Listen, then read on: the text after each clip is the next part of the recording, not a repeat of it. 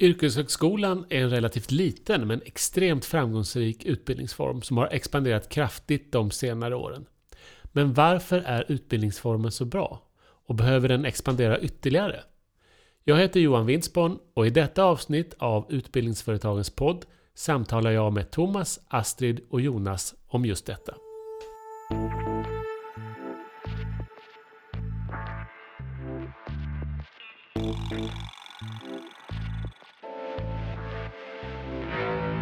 Det kan väl inte vara eh, sämre än att vi låter Thomas börja att presentera sig för den som till äventyrs inte vet vem du är. Thomas, vem är du? Eh, Thomas Persson, jag är generaldirektör på Myndigheten för yrkeshögskolan. Har jobbat med skol och utbildningsfrågor hela mitt liv kan man säga. Trevligt, tack så mycket. Och sen har vi Astrid Westfält Kroneman med oss också. Absolut. Tack eh, Johan för att du lyckades med att komma ihåg alla mina namn.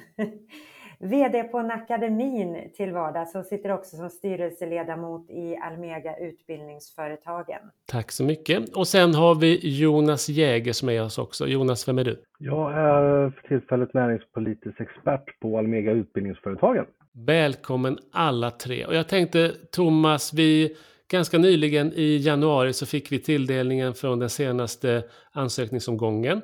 Eh, har du någon spännande kommentar till den? Vad är det för YH-utbildningar som vi kan få se fram emot till hösten?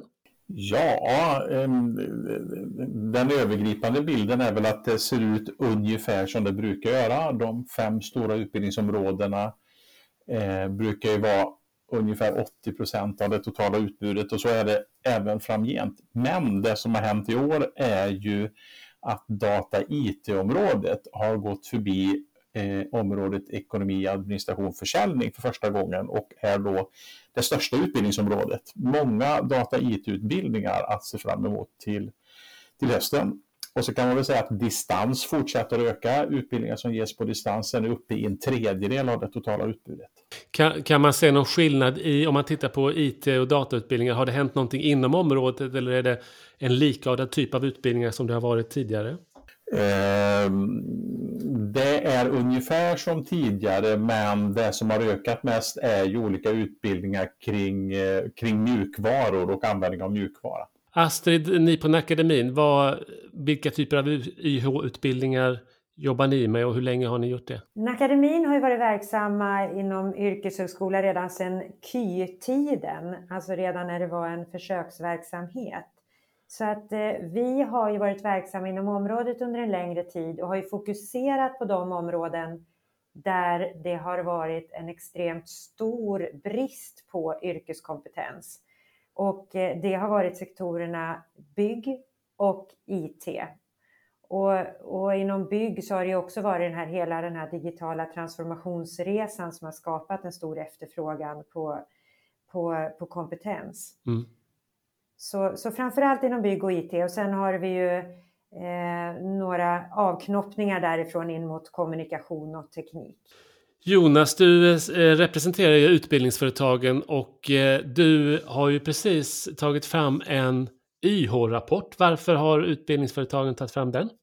Nej, men vi, vi har ju under lång tid sett hur stark eh, yrkeshögskolan står sig när det gäller kompetensförsörjning till, till arbetslivet och efter att vi nu har avslutat en expansion där det har växt med över 50 procent när det gäller platser så har det stannat av och då kände vi från utbildningsföretagets sida att vi behöver visa hur bra den här expansionen faktiskt har gått när det gäller bland annat kvalitet och eh, vi vill liksom visa att ja, men vi kan bygga ut det här ännu mer för att verkligen se till att, att eh, arbetslivet får den kvalificerade yrkeskompetens man faktiskt behöver och efterfrågar. Thomas, eh, Jonas nämner ju kvalitet och expansion här och trots en, en snabb expansion av YH så har kvaliteten inte sjunkit. Hur, hur har man lyckats med det tror du? Jag tror att utbildningsformen yrkeshögskola med ett nära samarbete mellan arbetsliv, anordnare och de studerande och att det är lokalt förankrat. Alltså jag tror att det ger en stabilitet som gör att eh, ja, där, där kvaliteten faktiskt ser ut att hålla sig eh, trots, eh, om man får säga så, expansion och trots pandemi. möjligtvis skulle man ju kunna säga någonting om att, att, att det, det Jonas pratar om, eh, eh, att kvaliteten har hållit genom expansionen, är ju, vi ser ju inte riktigt det än. Vi, vi ser början, de två, tre första åren på expansionen kan vi följa upp än så länge. Men vi har faktiskt inte sett hur hela expansionen ser ut i uppföljningssiffrorna än. Så att det är lite tidigt att säga att, att, att vi är i mål. Men det ser väldigt lovande ut, så ska man kunna säga. Mm. Ni, ni har ju en egen rapport Thomas där det också framgår eh, ganska tydligt tycker jag att, att de anordnare som jobbar ordentligt med systematiskt kvalitetsarbete, de var också bättre rustade på att möta de utmaningar som pandemin förde med sig. Mm. Förutom den här grundläggande stabiliteten som jag var inne på så, så är det väl en erfarenhet som jag har ifrån hela mitt yrkesliv att att skolor och utbildningsanordnare som har tänkt igenom hur de vill jobba och hur de ska följa upp eh, kvaliteten och, och utfallet i, i utbildningen, de klarar av väldigt mycket förändringar, även snabba förändringar. Medan alltså de som inte riktigt är lika förberedda gör det lite sämre. Jag skulle säga att det, det är universellt, skulle jag säga. Ja. Astrid, hur, hur gick det för akademin under pandemin? Klarar ni av att hantera de utmaningarna och hur, hur hur gjorde ni för att bibehålla kvalitet under de nya förutsättningarna? Jag vill, jag vill påstå utan att eh, för den skull gå före, precis som Thomas säger, vi har ju fortfarande kvar att mäta utfallet av de som, som går ut och som fortfarande har levt pandemin. Men jag vill ändå påstå att vi, vi hanterade det väl och det handlar ju mycket om att vi har väldigt tydliga riktlinjer. Det finns en väldigt tydlig struktur för hur vi ska jobba. Så att det vi behövde fokusera på i pandemin var ju tekniken och att få teknik och plattformar att fungera. Därför att pedagogik, innehåll och våra kvalitetsparametrar, de hade vi ju väldigt tydliga, eh, en väldigt tydlig rösad led kring hur vi faktiskt arbetar med de delarna. Så att jag tror att genom att ha en stabilitet i vad vi menar med kvalitet, vad som är kvalitet och där myndigheten också är väldigt tydliga med vad man avser med kvalitet och vad man följer upp och vad man, vilka krav man ställer. Ju, ju mer man har jobbat och känner sig trygg i det, desto lättare blev det ju för alla oss att faktiskt då kunna fokusera på den, det, det nya beteende som pandemin krävde. Den här, den här tydligheten är ju också, Thomas var ju inne på strukturen, just det, det lokala, att utbildningarna tas fram i samarbete med näringsliv och, och, och utbildningsanordnare. Och att det faktiskt är en av framgångsfaktorerna till, till en, en framgångsrik utbildningsform. Skulle du säga att, att den strukturen kring YH, kan du utveckla den bilden? Vad är det som gör att YH fungerar så bra?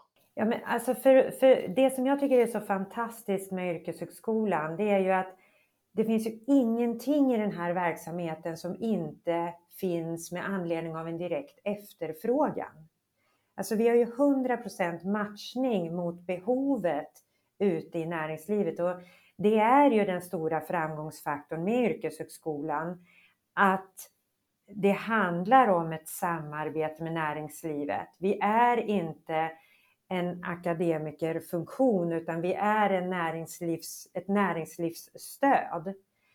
Och, och, det gör ju också det här med expansion att det blir ju mindre sårbart när vi pratar expansion därför att vi, vi, vi, vi får ju inte till några anbud som inte har direkt stöd från arbetsgivarna. Och det innebär också att och vi får heller inte sökande om det inte heller finns en efterfrågan att arbeta med det här och då kanske inte ens utbildningen startar. Och med det så ser jag också att det är ganska få risker med, med en expansion. Därför att är det så att det inte finns efterfrågan så går det inte åt några budgetmedel. Eh, och finns det en efterfrågan så går budgetmedlen åt och då får vi ut relevant kompetens. Och det är ju det här, den här matchningen mot den faktiska efterfrågan som jag ser som är den fantastiska framgångsfaktorn. Vi, vi ska komma tillbaks lite till det här med expansion sen, men jag tänkte Jonas, trots den här framgångsfaktorn och, och, en väldigt framgångsrik utbildningsform så visar ju ändå rapporten på att eh, utbildningsföretagens rapport på att YH relativt andra utbildningsformer är väldigt liten i omfång. Vad, vad beror det på? Ja, först och främst för att det beror på att det är en förhållandevis ny utbildningsform. Eh, och det är klart att det spelar roll att man går från att vara en testverksamhet till att man börjar växa och se att det funkar. Från det som heter KY till nu YH var ett steg. Eh, och det, det tror jag är det stora svaret, att det är en ung utbildningsform, eh, men som har växt fram på grund av att man såg, vad ska jag säga då, som ett glapp på, på utbildningsmarknaden, om man får kalla det så, att det behövdes kvalificerad yrkeskompetens som inte täcktes varken från högskola och universitet eller från eh, kommunal vuxenutbildning. Så att jag tror att det är det som är det, det enkla svaret, att det är en relativt ny utbildningsform som har växt fram. Thomas, vad, vad, tror du? Delar du Jonas bild att det är er ungdom så att säga som gör att man är så pass, att man är mindre än andra utbildningsformer? Um, ja, det skulle jag nog säga är en huvudsaklig orsak. Eh, och tänk, man kan ju tänka på ett helt annat sätt. Man kan ju säga att YHs storlek, YHs volym är ju den som riksdag och regering beslutar. Så att i någon, i någon teknisk mening är ju storleken direkt beroende på de politiska beslut som, som fattas. Men bakom det så skulle jag säga att, att eh, Jonas förklaring eh, låter rimlig, tycker jag. Och där, där, kan man ju tänka sig i förlängningen att, att de politiska besluten borde rimligtvis också ta hänsyn till intresset hos näringsliv och, och, behovet av utbildning. Och där visar ju den här rapporten att intresset för YH stadigt ökar. Thomas, hur, hur tror du man kan få upp intresset ytterligare? Jag tror att eh, eh träget arbete att eh, försöka beskriva yrkeshögskolan är svaret på frågan i någon mening. Det är ett jättetråkigt svar, men jag tror att det är, är svaret. Och jag tror också att, att Eh, eftersom det är en ny utbildningsform så är det ju viktigt att den som går YH får, får goda erfarenheter av kvaliteten och av möjligheten att faktiskt få jobb efteråt och sen berätta det för andra.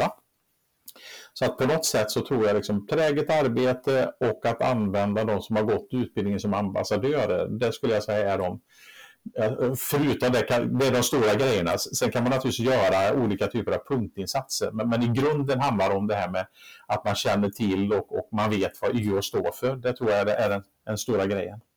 Thomas har rätt, men sen får man inte glömma att det finns en, en unik aspekt eh, för, för yrkeshögskolan där man snabbare än andra utbildningsformer kan svara på nya behov som uppstår på, på arbetsmarknaden. Och tittar man också på, på den strukturomvandling som vi ofta pratar om eh, av arbetsmarknaden så att säga, i, i de här sammanhangen så kan det också göra att intresset stiger när man kan möta behov av nya yrkesroller som behöver kvalificerad yrkeskompetens. Och, och det tror inte jag, vi får inte glömma det i det här sambandet att det i sig kan också lyfta intresset att ja, men det blir så att säga platsen där de här utbildningarna finns, där det finns ett uttalat behov. Men Jonas, vems ansvar är det att visa på det här? Är det, är det Thomas och EU-myndigheten eller är det Astrid och utbildningsanordnare eller är det branschen som... Vem är det som ska liksom visa på det här behovet och, och ligga i framkant och, och fortsätta det här trägna arbetet? Nej, men jag tror det tråkiga svaret är att det är ett, ett gemensamt eh, intresse såklart.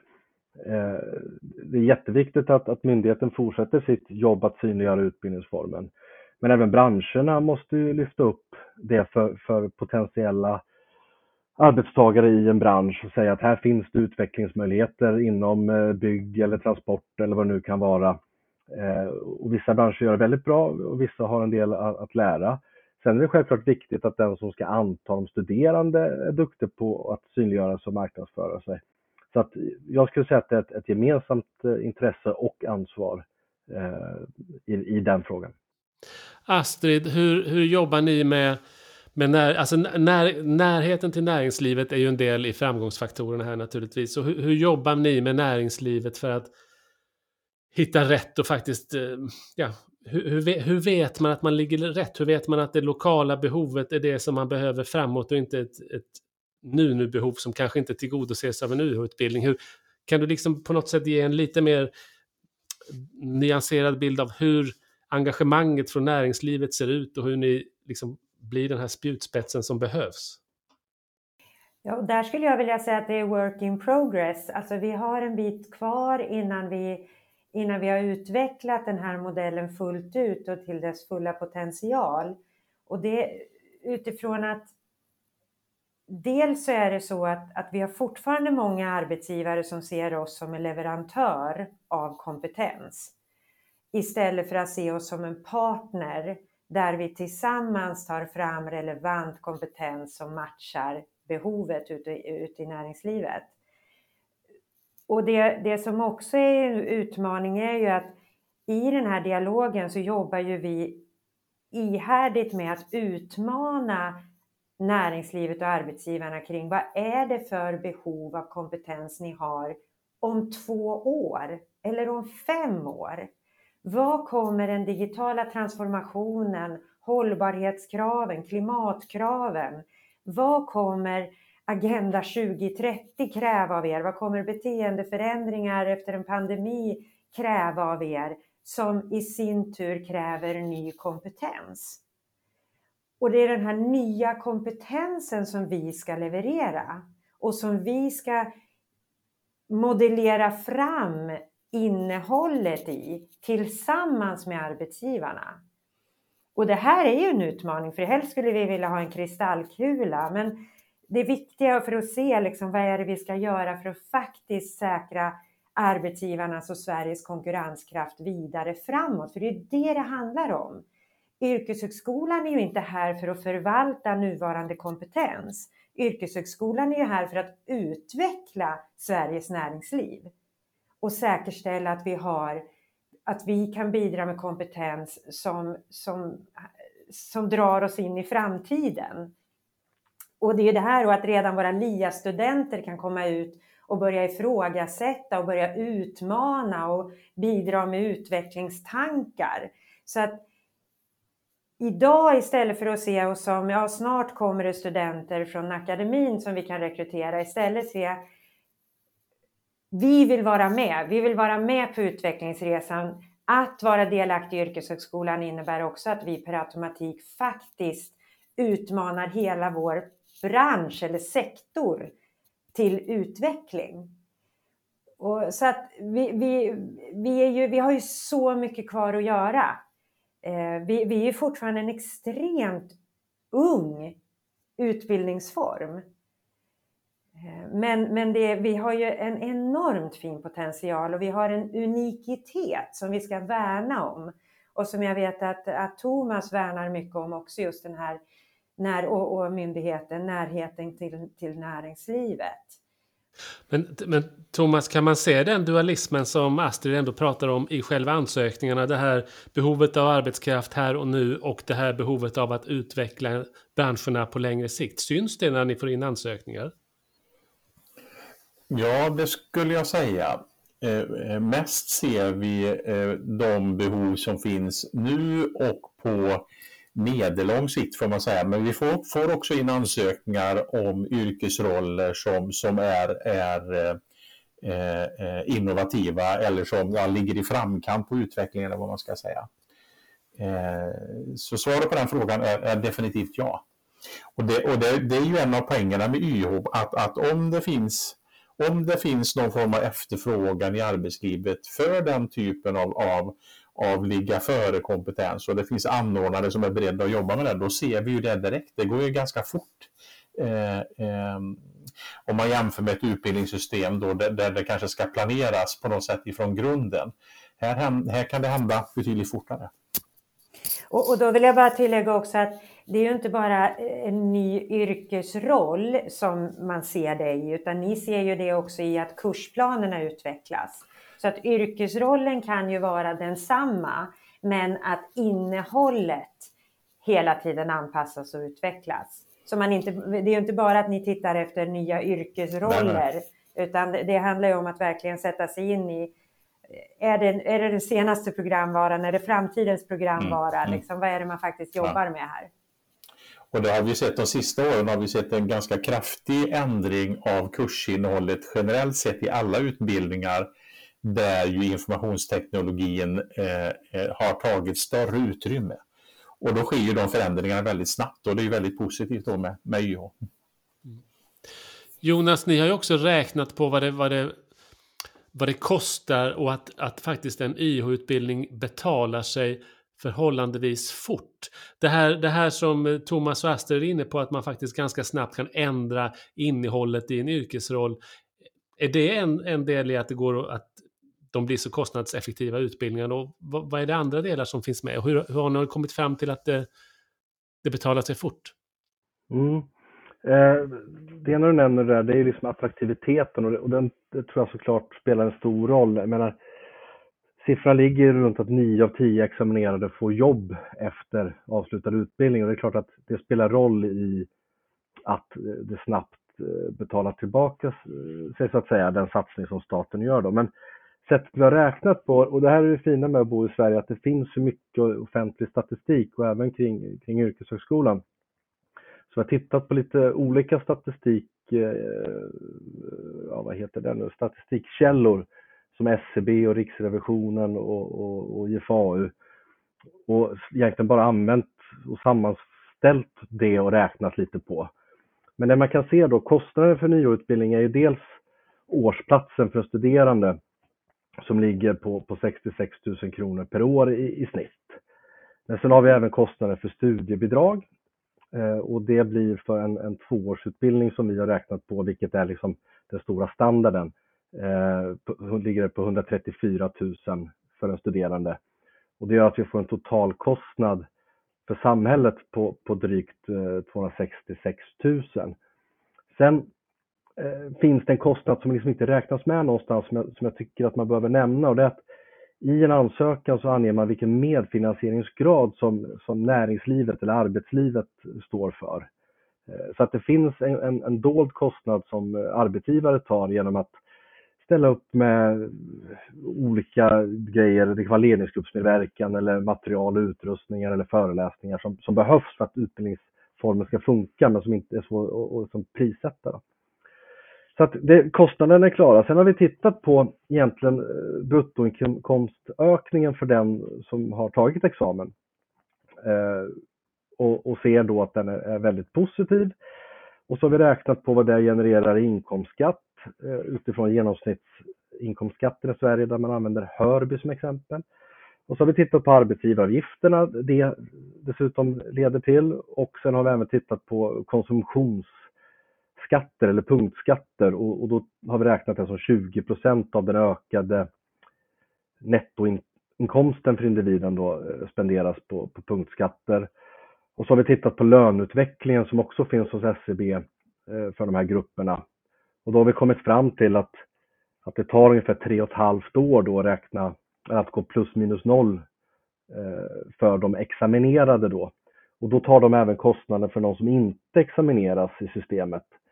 Eh, och då behöver jag säga att vi vet att även de har en positiv löneutveckling, men vi räknar inte med den utan vi, vi är ganska konservativa. Så ungefär tre och ett halvt år efter så är det en, en lönsam historia för, för, för det offentliga.